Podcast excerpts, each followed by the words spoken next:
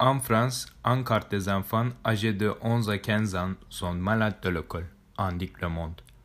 Dans son article publié le 17 septembre 2013 et intitulé Stress scolaire, l'obsession de l'excellence, Guyane Frézard nous fait réfléchir au système éducatif français en mettant en évidence ces erreurs dont les élèves sont profondément affectés. Tout simplement, il nous montre comment le système transforme les écoles au foyer de compétition en omettant leurs fonctions essentielles. Être une source de tous les progrès, du bonheur humain et de l'innovation. Cet article est basé sur deux idées contradictoires en comparant les entreprises et les écoles. L'une des idées est que les enseignants provoquent le stress et l'angoisse chez les élèves en considérant les écoles comme les entreprises. En effet, l'école vue comme une antichambre de l'entreprise engendre chez les élèves la peur de l'échec, d'être étiqueté nul, débile, bref, de ne pas satisfaire les attentes des parents au cas où ils intégreraient pas un bon lycée. J'ai peur, peur du futur, de mon avenir. Alors je préfère fuir. Une phrase lourde qui explique bien le sentiment d'une étudiante qui est au sein de ce milieu créé.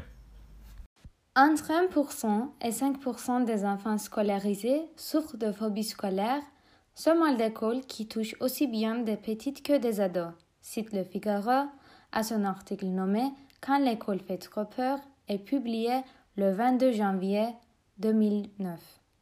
En ajoutant que ce phénomène n'est certes pas nouveau, mais qu'il est en augmentation qu'auparavant, le Figaro souligne l'urgence de réformer ce système créé. Par ailleurs, ignorant le stress suscité par le système scolaire et basé sur l'inspiration de l'entreprise, l'ancien ministre de l'Éducation, Luc Châtel, ne voit aucun inconvénient à ce que les écoles suivent le modèle de société car c'est une méthode de préparer les étudiants aux difficultés qu'ils pourront affronter dans le monde du travail. En conclusion, le seul moyen de diminuer le stress chez les étudiants, c'est de se rappeler la fonction primordiale de l'école et de créer un système scolaire basé sur le bien-être.